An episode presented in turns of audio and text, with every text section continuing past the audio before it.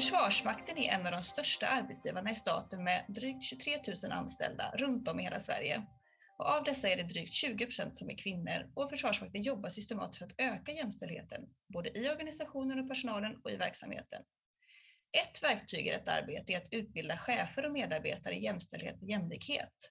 Och under 2021 så var det premiär för ett nytt jämställdhetsprogram som riktar sig till höga chefer i myndigheten. Och med det så vill jag säga välkommen till Anna Sjölander som är HR-strateg och jobbar med jämställdhet och jämlikhet på Försvarsmakten och Claes Excel som är personaldirektör på Försvarsmakten. Hej och välkomna båda två till podden. Tack så mycket. Tack. Hej. Eh, och jag som leder samtalet heter Sofia Andersson. Varmt välkommen till dagens avsnitt av Arbetsgivarpodden.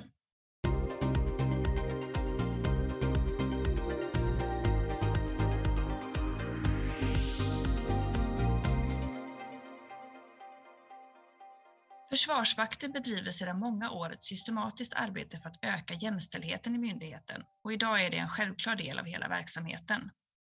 Syftet är att öka jämställdheten i organisationen men också att skapa ett bättre och mer jämställt försvar.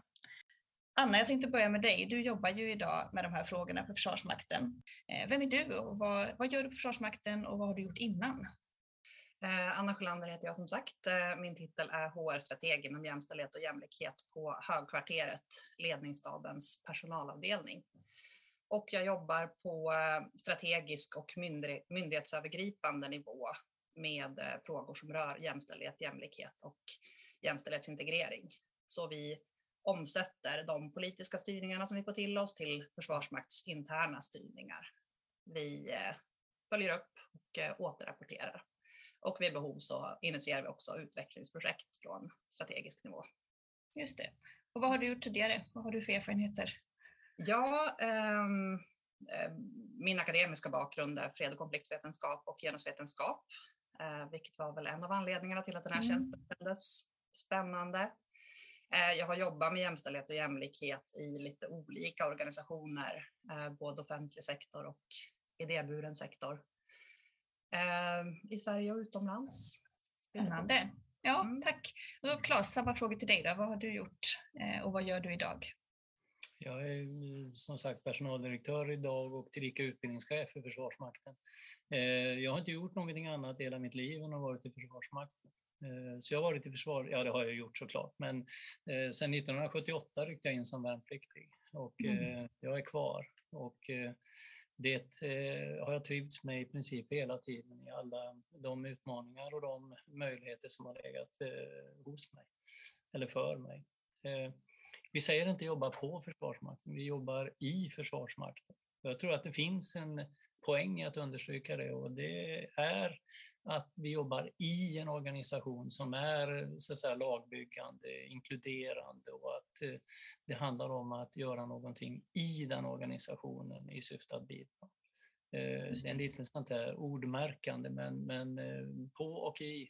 För mig en stor skillnad utgående från hur jag känner. Jättebra poäng. kan du säga någonting om vad det är som har gjort att du har stannat kvar i försvaret i så många år? Ja, jag tror att från början så var jag oerhört attraherad av eh, lagbygget, att eh, vara en del av ett eh, team, att, att, att också utmanas utgående från ledarskapsdimensionen. Och den tog ju aldrig slut, den utmaningen, utan den bara fortsätter och fortsätter på olika sätt i olika situationer och i olika begivenheter. Och sen mm. för mig har det alltid varit eh, en känsla av att det här är någonting som är viktigt. Vad kan vara viktigare än att vara en del i att försvara Sverige och att därigenom så att säga, eh, göra det i, i en officers gärning. Mm. Det, det handlar mycket om det, även om det var länge sedan de besluten togs, men de har alltid legat för mig väldigt starkt förstår. Tack. Anna, vad var det som gjorde att du sökte dig till försvaret? Eh. Mm. Ja, men det var nog lite det jag var inne på. Dels min akademiska bakgrund, eh, men sen har jag också jag varit eh, taggad på att arbeta med frågorna i en för mig helt ny miljö. Mm. Jag har till exempel jobbat i region tidigare som är väldigt kvinnodominerat. Så jag varit, jag varit taggad på en, en ny miljö och en ny utmaning. Eh, och på tal om det så är det ju nästan 80 procent av de anställda hos er idag som är män. Ehm, och motsvarande siffra för staten, om man tittar på hela staten, är ungefär 50 procent. Vad säger ni, alltså, är det här ett problem att könsfördelningen ser ut som den gör? Ja, det är ett problem för att vi jobbar ju i riktning att bli jämställda. Eh, vilken siffra är det då som gäller? Och 40, 60, 60, 40? Och det är klart att vi jobbar i en sådan riktning. Eh, men är det ett problem att vi inte är jämställda? Ja, svaret är ja, för vi är en ojämställd myndighet, både kvantitativt och kvalitativt. Eh, och det går inte att acceptera och då måste vi jobba med den frågeställningen eh, successivt och steg för steg i syfte att ta den till ett annat eh, värde. Rakt och bra svar. Um, och du Claes, du är ju en av dem som har deltagit i det här programmet som vi ska prata lite mer om idag. Vad skulle du säga är den största förändringen som du, som du har fått med dig av att gått programmet? Har det ändrat någonting i ditt ledarskap? Ja, och då kan man säga, jag har inte gått det här programmet utan jag har gått gendercoachprogrammet som är föregångaren till okay. detta. Mm. Och gendercoachprogrammet var en satsning på de högsta cheferna i Försvarsmakten och att med utgångspunkt tagen i det så skulle vi då ta fram en utvecklingsplan eh, som handlar mycket om hur kunde vi så säga, påverka frågeställningarna. Eh, en del i min utvecklingsplan var då att eh, göra göra en ny utbildning och det är den jämställdhetsintegrering för högre chefer med fokusering på jämställdhetsintegreringsfrågeställningen. Att komma ut till en, ett större kollektiv, till de som är eh, förbandschefer, organisationsenhetschefer, regementschefer och flottiljchefer där ute. Och att de därmed ska få ett antal redskap som, som bygger dem i sin verksamhet eh, och eh, i det som är deras beslut. Och det var det som var min målsättning. Så det är ju en direkt utkomst av programmet. Mm i programmet har jag fått med mig väldigt mycket kunskap om frågeställningen som sådan och upplever att jag har utvecklats eh, ganska mycket med den, den både, både kunskapsbasen och därigenom den fokusering som krävs för att åstadkomma en förändring. Så det är några med, eh, medtag som jag då har från genderkursprogrammet som har fallit ut i en utvecklingsplan och där är vi då i jämställdhetsintegrering för högre chefer.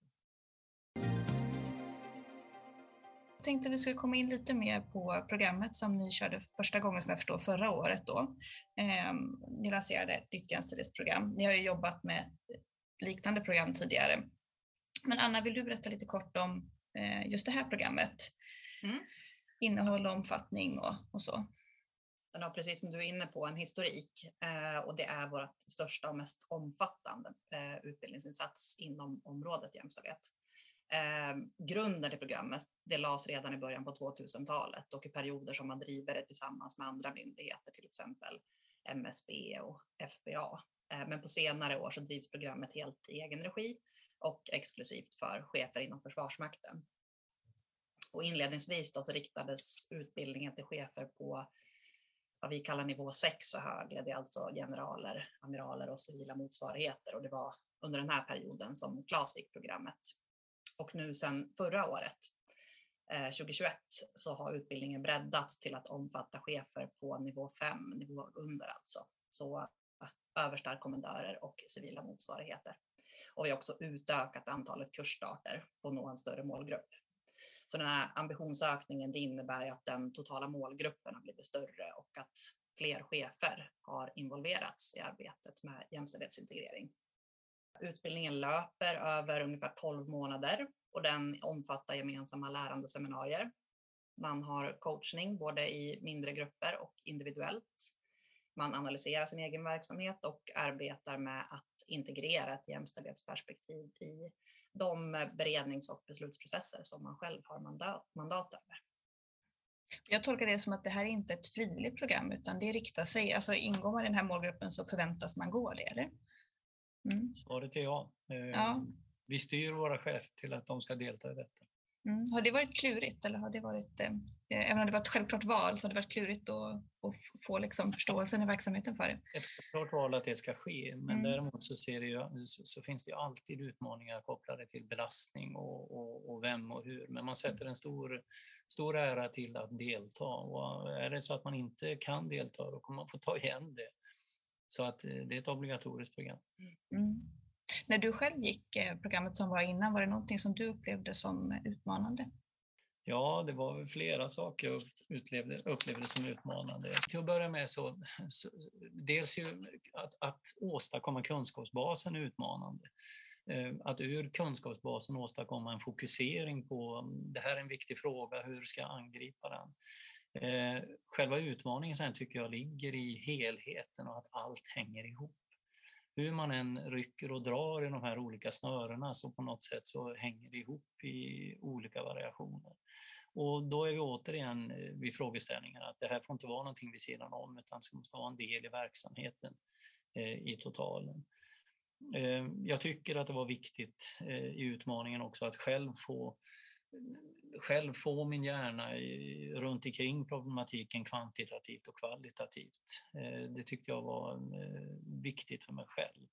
Och sen så är det ju att man är uppmärksam i frågeställningen i hela omfånget i det som är fortsatt ledarskap och fortsatt verksamhet. Så, så utmanande, ja, och eh, särskilt beroende på att det var ett antal eminenta föredragshållare och ledare som verkligen utmanade oss också i det som då är normkritik och eh, förstärkta normer eller förminskade normer och så här kultur. Så, så vi fick våra fiskar varma och det var vad vi, vad vi behövde för att, så att säga, ta det här ett steg framåt på riktigt. Mm. Tack för att du delar med dig av det, för jag kan verkligen tänka mig att det kan vara så. Anna, du som jobbar strategiskt med det här, eh, hur mm. prioriterat skulle du säga att jämställdhet är för Försvarsmakten idag, eller i Försvarsmakten? Jo, men det är en, en högt prioriterad fråga. Eh, att arbeta med jämställdhet är ju inte våran kärnverksamhet, men mm. däremot så har jämställdhetsarbetet en stark koppling till vår egen organisation och det uppdrag som vi har. Eh, till exempel så kan vi inte få en långsiktigt hållbar personalförsörjning utan ökad jämställdhet och på så sätt så stödjer ju jämställdhetsarbetet myndighetens tillväxt. Fint. Eh, då tänkte jag att vi ska komma in lite mer på innehållet i det här programmet. Claes, du började ju berätta lite grann eh, och, och kanske också inte minst om varför ni väljer att jobba så här Eh, systematiskt med frågan. Och då tänkte jag, Anna, skulle du vilja börja med att berätta hur ni definierar jämställdhet? Vad, vad är jämställdhet för er i er verksamhet? Ja, eh, jämställdhet innebär ju lika rättigheter, skyldigheter och möjligheter för män och kvinnor. Och eh, kvantitativ jämställdhet som vi har varit inne på, eh, könsfördelningen mellan män och kvinnor, det är ett sätt att mäta eller förstå jämställdhet. Och det innebär ju en jämn könsfördelning mellan män och kvinnor på arbetsplatsen, på utbildningar, maktpositioner eller olika befattningsnivåer eh, och att könsfördelningen ska vara minst 40 kontra 60 procent. Och det som påverkar den kvantitativa jämställdheten och som vi har att jobba med är alltså hur många män och kvinnor kommer in i verksamheten och hur många män och kvinnor är det som lämnar. Eh, men en jämn kvantitativ jämställdhet är inte tillräckligt för att uppnå det här tillståndet av lika rättigheter, skyldigheter och möjligheter. Utan kvalitativ jämställdhet, det är det som sätter kvinnor och mäns villkor i fokus. Så dels handlar det om att uppmärksamma attityder, eh, värderingar, strukturer som påverkar kvinnor och mäns möjligheter. Och dels att ta tillvara på kvinnor och mäns kompetens, erfarenheter och förutsättningar. Så det är ett lite bredare perspektiv och fler faktorer att arbeta med för att skapa jämställda förutsättningar för både män och kvinnor att vara verksamma i Försvarsmakten. Eh, så jag skulle säga att en, en jämställd verksamhet för oss, det är någon som både är kvantitativt och kvalitativt jämställd och det är, det är målbilden. Mm, mm jag förstår. Om jag får skjuta i där så. Absolut. Kvantitativ och kvalitativ, eh, det var någonting som eh, jag började diskutera med mig själv inom ramen för programmet och som såklart alltid har säkerligen funnits på något sätt, men jag upplevde att man pratar alldeles för mycket om kvantitativ jämställdhet och för lite om kvalitativ. Det vill säga samma förutsättningar att göra ett jobb, samma förutsättningar till utveckling, eh, att man ska behandlas på samma sätt och så här. Då. Men att den kvantitativa dimensionen lider utav eh, en kvalitativ. Om vi inte har en bra kvalitativ verksamhet, alltså att vi vi, vi, vi sköter alltihopa på, på ett bra sätt, ja, men då kommer vi aldrig uppstå de kvantitativa målsättningarna. För de hänger ihop på det sättet, eh, för mig i alla fall. Så för mm. mig blev det viktigt att konstatera kvalitativ och kvantitativ jämställdhet. Att det, det behöver inte vara någonting som man eh, särskiljer onödigtvis, men jag tror det är viktigt att ha båda sakerna i huvudet. Och eh, för Försvarsmaktens del så så kommer det att ta lång tid innan vi uppnår en kvantitativ jämställdhet. Men det är oacceptabelt varje sekund som inte är kvalitativt jämställda. Och då kan man med det som en utgångspunkt åstadkomma olika typer av initiativ som går i de båda riktningarna. Men är inte en utmaning, att, eller en, en förklaring kanske till att man ofta hamnar i att prata kvantitet snarare än kvalitet eller den kvalitativa förändringen, att det är så svårt att mäta det kvalitativa. Hur arbetar ni med det, uppföljningen av eh, den kvalitativa delen av det? Mm, vi arbetar ganska mycket med den i vår eh, egen eh, medarbetarundersökning, mm. FN Vind kallar vi den för. Vart blåser vinden? Nej, men, eh, så. Eh, och den medarbetarundersökningen eh, är för oss väldigt viktig. Och där jobbar vi med ovälkommet beteende och avarter och sådant som så att säga, vi behöver ha fokus på. Så där har vi möjlighet att mäta ett antal sådana kvalitativa dimensioner. Och den andra är att genomlysa våra processer runt omkring till exempel eh, eh, Kaka söker maka i rekryteringsprocesser. Hur, hur, hur kan vi ta ut högre chefer och vara säkra på att vi så att säga inte har eh, haft, att vi tar ut rätt människor, rätt kvaliteter och att det inte blir att jag tar ut någon som är själv. Eh, det är andra exempel på hur man måste in och grotta som inte har så stor kvantitativ betydelse men kvalitativt väldigt viktigt. Hur jobbar ni med ovälkommet beteende? Vi jobbar på många olika sätt men eh, framförallt så har vi en nollvision utgående från eh, ovälkommet beteende. Och den är inte för att vi eh, är naiva och inte mm, förstår att med tusentals människor i vår organisation så kommer det uppstå eh, dumheter och problematiker och liknande. Utan det är att vi vill att nollvisionen förstås som att vi kommer alltid agera och inte titta bort. Och det är det som nollvisionen ska så att säga, rikta oss emot och sen hoppas vi då att det åstadkommer eh, mycket bra resultat. Och det tycker jag är viktigt att ha sagt. Är det något särskilt då som ni skulle säga som man behöver ha med sig när man ska bedriva den här typen av förändringsarbete som, som att arbeta för jämställdhet ändå är? Eh, alltså är det särskilda synsätt eller eh, Anna, vad säger du? Jämställdhetsarbete är ju ibland riktade åtgärder, men de allra flesta gångerna handlar det om att få in ett perspektiv i det som vi redan gör. Tar vi HR-området till exempel, ja men vi rekryterar, vi befordrar, vi lönesätter, kompetensutvecklar, rehabiliterar. Eh, och i allt det här arbetet så måste perspektivet in. Vi behöver egentligen inte starta upp ett nytt verksamhetsområde som vi bedriver vid sidan av. Och på samma sätt så behöver vi jobba utanför bara personalområdet, tänker vi till exempel i en vanlig stabsfunktion. Det är ett perspektiv som måste in i vår kommunikation, i ekonomi och så vidare. Och sen är det ju inte uteslutande en intern fråga som handlar om den egna organisationen och personalen, utan det handlar ju också om hur genomför vi vårt myndighetsuppdrag och hur får vi in ett jämställdhetsperspektiv i det. Ja, men det där är jätteintressant. Kan du berätta lite mer om det?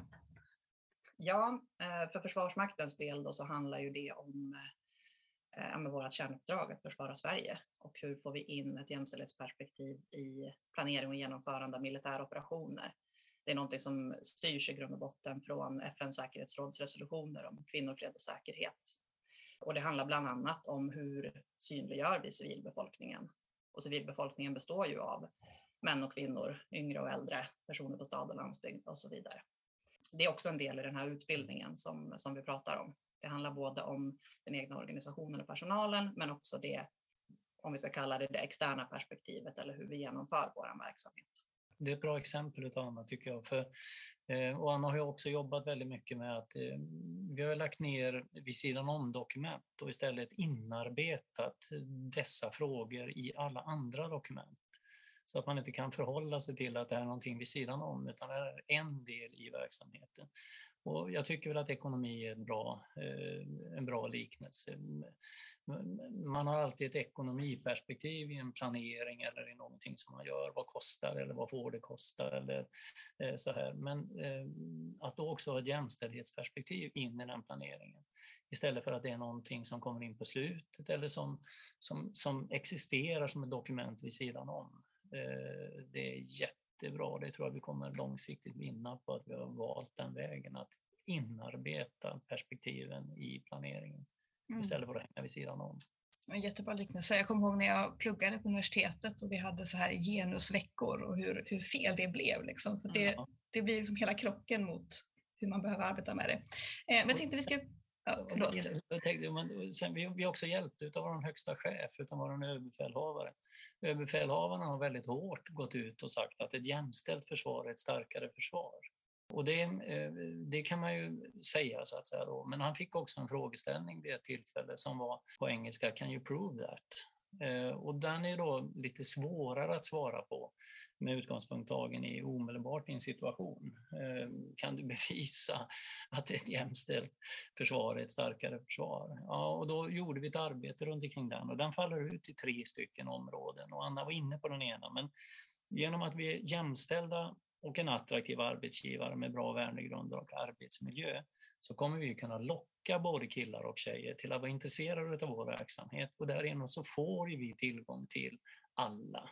Och då kan vi plocka de bästa som bäst fyller våra kravsättningar till alla befattningar och all verksamhet som vi har. Och då blir vi ju bättre.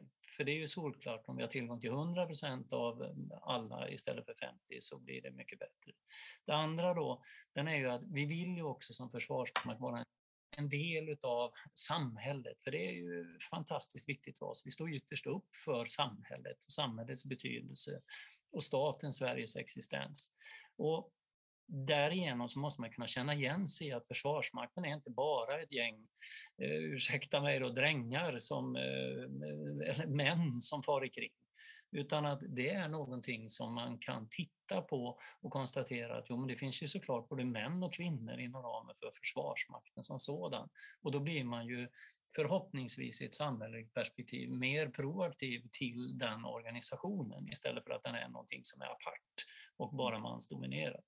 Så den är viktig för att man ska vara ett starkare försvar som jämställd. Och det tredje perspektivet då, det är att i operationsplaneringen kunna ägna sig åt, som det då heter, eh, bedömning av terrängen där civilläget också är med.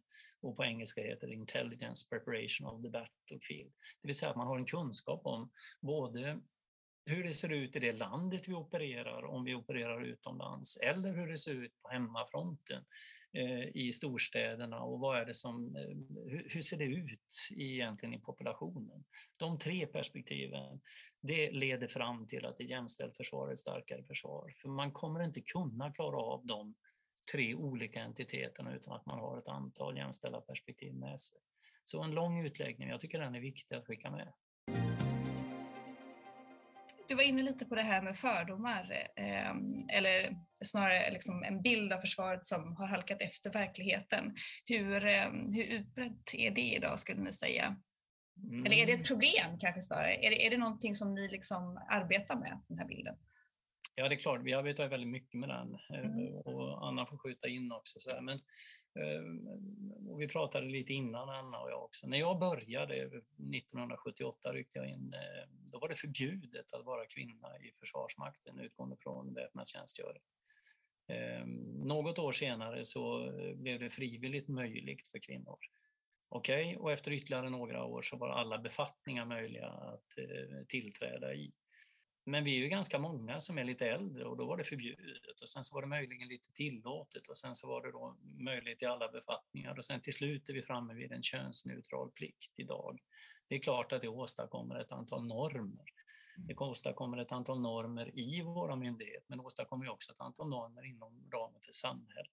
Du nämnde ju tidigare också att ÖB Mikael Medén, att han eh, att, han, att det är väldigt grundat i honom att bedriva det här arbetet. Hur, hur viktigt skulle ni säga att ni har just inte bara högsta ledningens stöd utan att faktiskt högsta ledningen driver på i det här arbetet? Jag tror att det är helt avgörande att eh, högsta ledningen gör det. Mm. Eh, jag har dessutom vid något tillfälle när vi är i andra typer av föredragssituationer och man kanske hamnar i en diskussion så, så är det väldigt tryggt att säga att ja, men Försvarsmakten är en enrådsmyndighet. Vi har en överbefälhavare, det vill säga att ytterst är det en som bestämmer sig och han bestämmer. Och, och han har faktiskt gett order om att så här ska det här genomföras för att ett jämställt försvar är ett starkare försvar. Just det. Och det, det vill jag också in på, för det var, jag pratade med en kollega till er och hon pratade mycket om att eh, engagemang är så viktigt och att skapa ett engagemang är en viktig del av det här programmet. Eh, måste man ha engagemang? Det är ett ganska högt krav. Vad säger du Anna? Jag skulle säga inte privat, men inom, rollen, inom ramen för din roll och ditt mandat, så ja, där krävs ett engagemang. Och det kommer inte ur någon slags tillrättalagd korrekthet, utan som chef eller arbetsledare så har du dels ett juridiskt ansvar, till exempel kan vi säga när misstanke om trakasserier uppstår. Eh, och som chef i linjen så kommer du också tilldelas uppgifter som har bäring på jämställdhet och jämlikhet. Och det kan handla om allt ifrån att man ska leda utvecklingsarbetet och ta fram handlingsplaner eller att lite mer operativt arbeta med rekryteringsprocessen eller lönesättning. Så då, där krävs det en grundläggande kunskap och förståelse för att du ska kunna agera i högre chefs viljeinriktning och att gå mot gemensamma mål. Ehm, så jag skulle säga ja inom, rollen, inom ramen för din, din roll och ditt mandat. Mm. Claes, vad säger du om engagemang? Jag tror att, jag tror att eh, om du har din ramen för din roll så kommer frågans betydelse göra att du också blir engagerad i den andra utanför tjänstens dimension. Mm. Eh, efter genderkorsprogrammet. Jag kan knappt se på reklam utan att bli förbannad.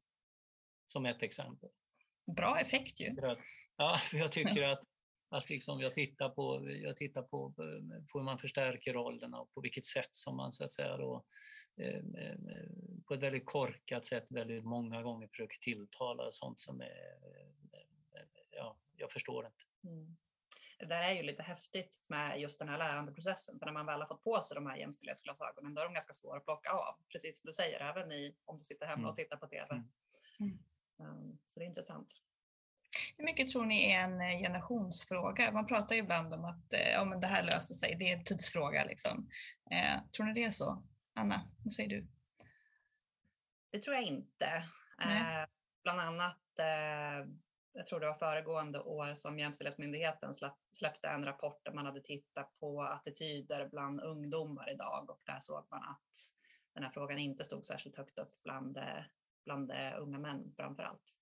Eh, så jag tror att det är farligt att luta sig tillbaka och tro att det är något som, som löser sig antingen med den, den, den mm. yngre generationen, utan det här är ett arbete som vi måste arbeta aktivt och systematiskt i att hålla i även när det inte är trendigt eller högaktuellt. För det kan man ju också se ur ett mer, tittar man lite mer långsiktigt historiskt perspektiv så, så går ju den här jämställdhetspendeln lite grann fram och tillbaka. Eh, så det är viktigt att, eh, att hålla i och tappa fokus på det. Eller inte, inte tappa mm. fokus på det. Mm. Och ni har ju jobbat väldigt systematiskt med det här under lång tid, det har vi pratat mycket om nu. Ehm, och ehm, idag så har ni en mycket bättre kvantitativ eh, könsfördelning. Eh, vad är nästa stora liksom, kamp eller nästa stora vinst att göra för er som verksamhet? Jag tror det är tre saker. Det ena är att hänga i eh, mm. eh, vad gäller att, att vi har ett antal faktiskt högre chefer som är kvinnor. Det är viktigt, inte i syfte att de ska känna sig tvingade att bära någon form av eh, ja, reklampelare eller den typen, utan att vara precis så duktiga som de är och med det som automatik blir eh, föredömen. Men den symbolen tror jag är viktig i många aspekter.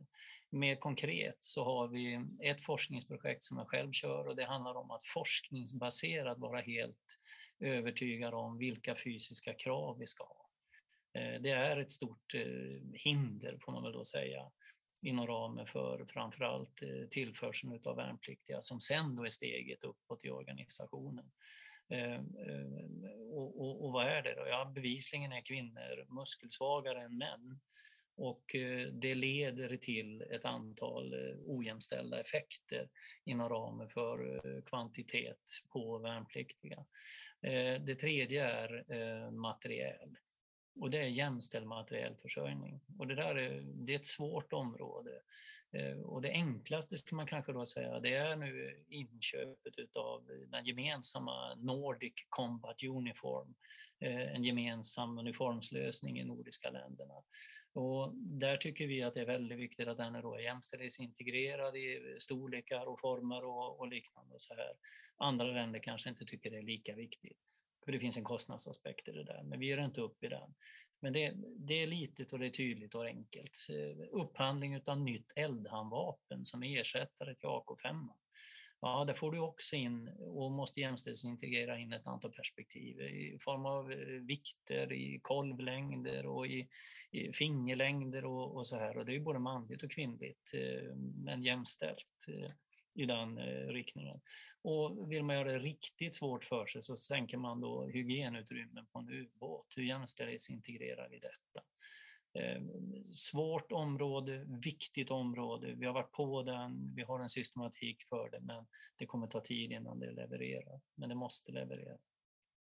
Och varför? Jo, det är för att kvinnor ska ha, kvinnor och män, man ska ha samma förutsättningar att kunna lyckas med det uppdrag man utför med utgångspunkt tagen i så att säga, utrustningen. Svåra men ganska konkreta utmaningar ändå. Ja. Ehm, ja.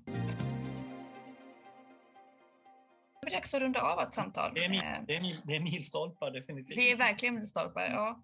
Ehm, men innan vi börjar runda av så skulle jag vilja ha några avslutande råd och tips kanske på hur man kan jobba med jämställdhet. För även om ni har en väldigt speciell eh, verksamhet som är spe specifik för er så tänker jag att det finns en del som man kan generalisera även till andra verksamheter. Jag tänkte vi börjar med dig Anna. Vad behöver man allmänt tänka på när man ska arbeta med jämställdhet? Eh, vad har du för råd att ge till någon annan som sitter eh, och ska starta upp ett sånt här systematiskt arbete? Mm. Eh, jag skulle rekommendera att man definierar sitt varför. Varför är de här frågorna viktiga för er? Vad är de ska leda till? Det skapar en eh, sense of emergency och ett driv och att man kan gemensamt gå mot, mot eh, gemensamma mål så att säga. Eh, och har man inte definierat ett varför då är det ganska lätt att fastna i diskussioner om vad ska det här egentligen leda till. Och, eh, det är precis som allt förändringsarbete ett arbete som kommer att ifrågasättas och det, det ska man vara beredd på. Eh, jag skulle också rekommendera att man gräver där man står tittar på sina specifika mm. utmaningar. Det kan alltid vara bra att jämföra sig med andra eller benchmarka eller så, men vi är trots allt olika myndigheter med unika uppdrag och olika förutsättningar och där behöver man, det går inte riktigt att helt kopiera någon annans mål eller arbetssätt. Så.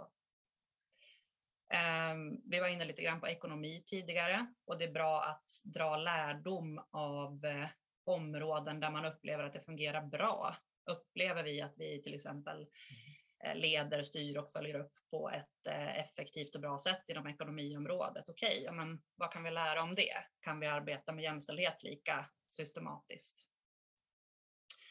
Eh, och slutligen, om jag ska sticka ut hakan lite grann så skulle jag säga att vill man bedriva ett seriöst och systematiskt arbete så kommer det att kosta resurser.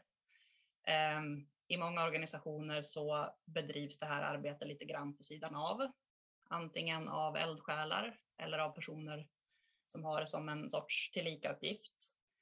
Ehm, om jag säger vad jag tror så tror jag inte att Försvarsmakten hade kommit lika långt om det inte vore för att man har anställt sakkunnig personal på olika nivåer och med olika ansvarsområden. Och det handlar ju om allt ifrån vi som jobbar på högkvarteret på strategisk nivå till det mer förbandsnära lokala stödet att vi har experter inom utbildning eller eh, sakkunniga utredare eh, för ovälkommet beteende till exempel. Eh, så där vill jag mena att är det, är det viktigt så måste det också kosta både i arbetskraft och i åtgärder. Se till att ha ledningen med eh, innan man kliver in i någon typ av projekt i, i detta område. Och ska ledningen vara med så måste ledningen ha kunskap, för det är vägen till att förstå väsentligheten. Och då tror jag att eh, eh, när man då sätter igång detta så måste man se till att ledningen på något sätt har en kunskap. Eh, sen gillar jag, precis som Anna säger också, då, att ska man starta upp någonting, se till att fokusera det på människor som eh, det hänger ihop med det de ansvarar för och beslutar om och företräder. För det, det finns en stor skönhet inom ramen för att då kan man gräva där man står, som vi brukar säga, och, och med det som utgångspunkt göra en förändring. Jag tror också det krävs en del mod. Man måste våga vara normkritisk. Eh, sen krävs också siffror, siffror, analys och förslag och att man eh, loopar det i någon form av eh, diskussion för att, så att säga, driva då eh, verksamheten framåt. Och så gillar jag ju just det med kvantitativ jämställdhet och kvalitativ jämställdhet där kvantitativt kanske inte är det allra viktigaste, även om det är en effekt på, på sikt som man vill uppnå. Men där kvalitativt måste uppnås hela tiden, annars är man underkänd. Och en sån attityd tror jag är väldigt viktig. Många bra råd från er har idag pratat om jämställdhet och hur Försvarsmakten jobbar med att utbilda chefer eh, och att integrera jämställdhet i olika processer. Eh, och jag har lärt mig mer om hur man kan tänka för att arbeta med jämställdhet i den egna organisationen och i personalen kontra liksom den mer externa verksamheten i myndighetens uppdrag. Stort tack till er, Anna och Claes, för att ni tog er tid att vara med i vår podd. Innan jag släpper iväg er så vill jag be er om en sista sak och eh, om ni får välja ut varsin grej som ni vill att den som lyssnar här på vår podd idag ska ta med sig, eh, vad väljer ni då? Anna? Eh, jag skulle understryka vikten av att vara uthållig i de här frågorna, eh, att hålla i över tid och att inte bara jobba med dem när det är trendigt eller högaktuellt. Bra. Claes? Ett jämställt försvar, ett starkare försvar. Tack så jättemycket för att ni kom hit idag och tack också till dig som har lyssnat. Om du har några frågor eller förslag på ämnen som du vill att vi ska prata om i podden, hör gärna av dig till oss på webb.arbetsgivarverket.se så hörs vi snart igen. Hej då! Hej då! Hej då!